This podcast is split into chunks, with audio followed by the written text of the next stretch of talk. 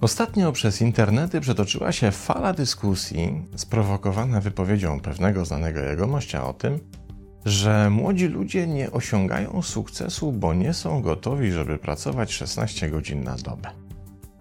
Oczywiście poruszeni komentatorzy złośliwie zauważyli, że to myślenie rodem z wczesnych lat 90., gdzie sukces rozpoczynał się na przykład od sprzedaży szemranego spirytusu z bagażnika żuka na targowisku i trzeba do tego było ubrać turecki sweter w pepitkę i marmurkowe dżinsy. A wszystkie te trzy atrybuty, szemrany spirytus, sweter i marmurki, raczej nie są przedmiotem westchnień dzisiejszych dwudziestoparolatków.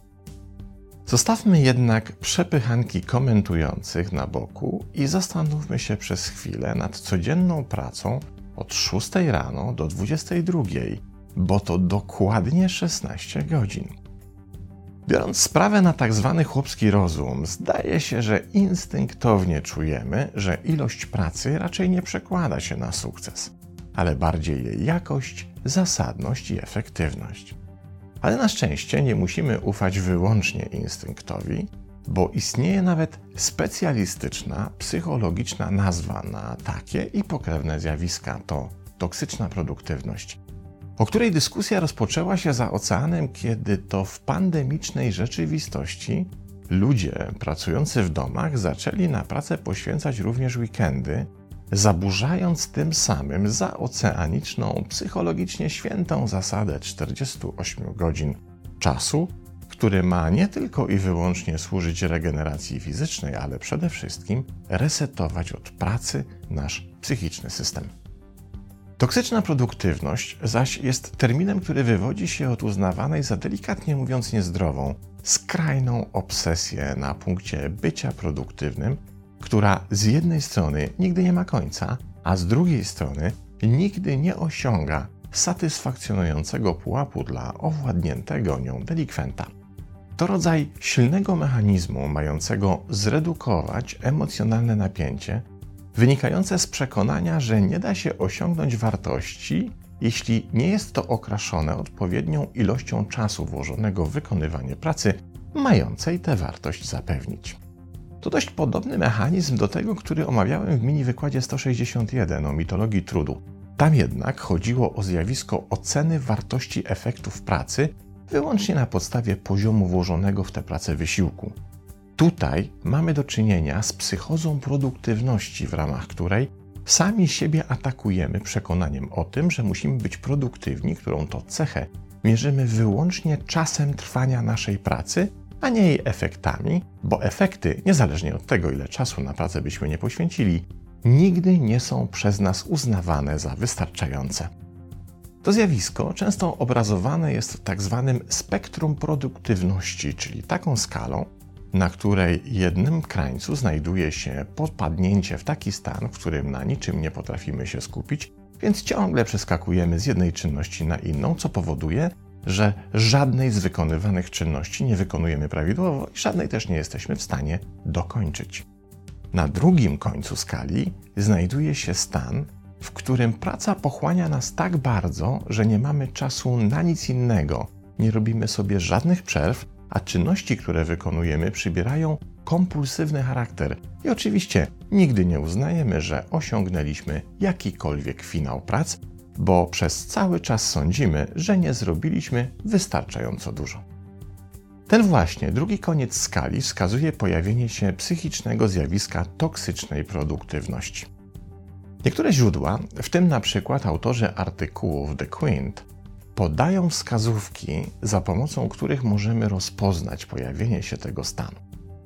Pierwszą oznaką jest więc konstatacja, że na pracę poświęcamy na tyle dużo czasu, że zaczyna to szkodzić nie tylko naszym relacjom, ale też naszemu zdrowiu. To na przykład sytuacja, w której zaczynamy ignorować własne podstawowe potrzeby, jak potrzeba regularnych posiłków czy snu.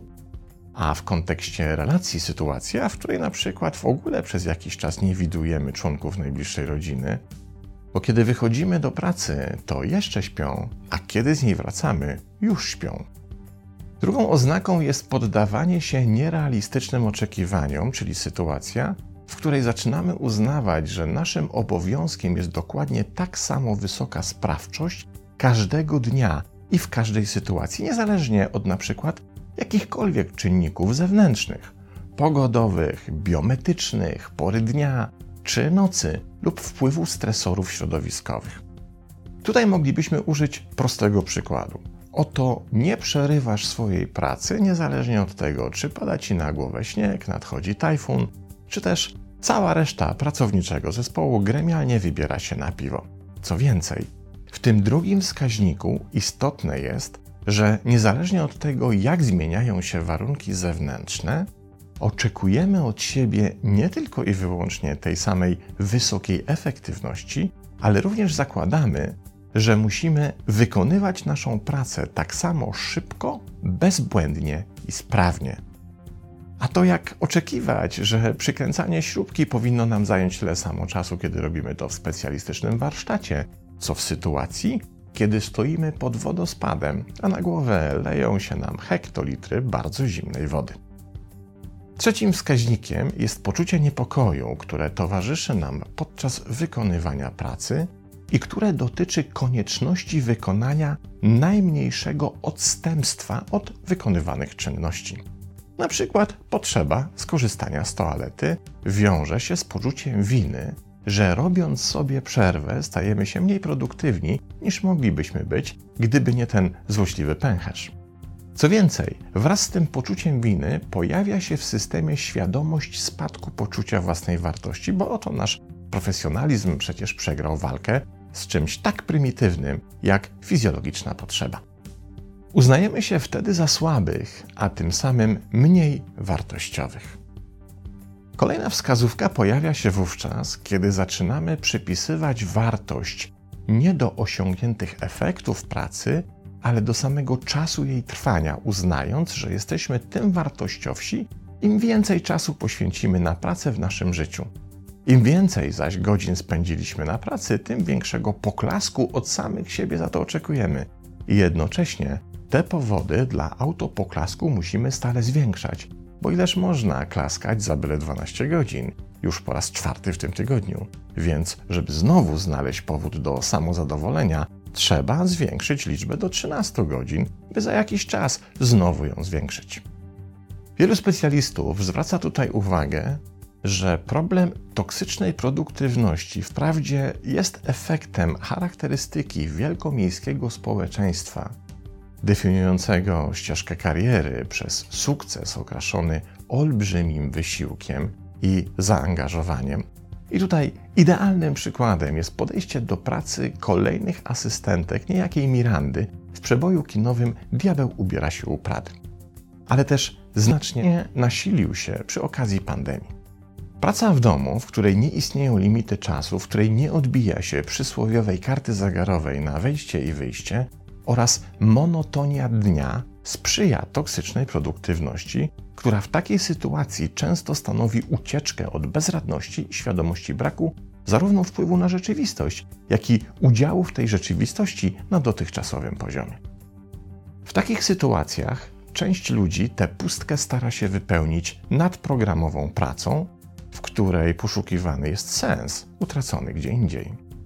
Kiedy pojawia się monotonia dnia, praca staje się jedyną alternatywą, której zaczynamy się łapać jak tonący brzytwy. To oczywiście droga donikąd, bo za toksyczną produktywność będziemy musieli zapłacić nie tylko własnym zdrowiem i pogorszeniem relacji, ale przede wszystkim uczuciem beznadziei i wyczerpania, które zawsze towarzyszą pościgowi za coraz szybciej uciekającym przed nami króliczkiem, którego nigdy nie udaje nam się schwytać. Jak sobie zatem poradzić z toksyczną produktywnością? Po pierwsze, obserwować sygnały pochodzące z wszystkich czterech wymienionych wcześniej wskazówek. Jednak ja, w przeciwieństwie do wytycznych autorów wielu artykułów o tym zjawisku, radziłbym nie czekać na to, aż pojawią się one wszystkie. Czerwona ostrzegawcza lampka powinna nam się zapalić w głowie, już wówczas, kiedy dostrzeżemy nawet najbardziej nieśmiałe zapowiedzi któregokolwiek z nich. A wówczas nie ma innego wyjścia, jak zredefiniować własne wewnętrzne przekonanie o produktywności. I tutaj proponuję ćwiczenie w rozbijaniu przekonań, znane jako gra w prawdę i fałsz. Zacznijmy od pierwszego przekonania. Im więcej się pracuje, tym więcej się zarabia. Tutaj, zanim odpowiesz na pytanie, czy to przekonanie jest prawdziwe czy fałszywe, najpierw poszukaj w swoim otoczeniu zarówno tych przykładów, które je potwierdzają, jak i tych, które temu przekonaniu przeczą. Zapisz je wszystkie na kartce i dopiero kiedy to zrobisz, odpowiedz sobie na pytanie, czy to prawda, czy fałsz. W następnej kolejności przejdź do przekonania: im więcej się pracuje, tym szybciej się awansuje. I tu ponownie, najpierw spisz przykłady potwierdzające, a następnie przykłady przeczące. I dopiero kiedy to zrobisz, patrząc na spisane przykłady, odpowiedz, czy to prawda, czy fałsz. Następnym przekonaniem może być na przykład: im więcej się pracuje, tym się jest bardziej wartościowym.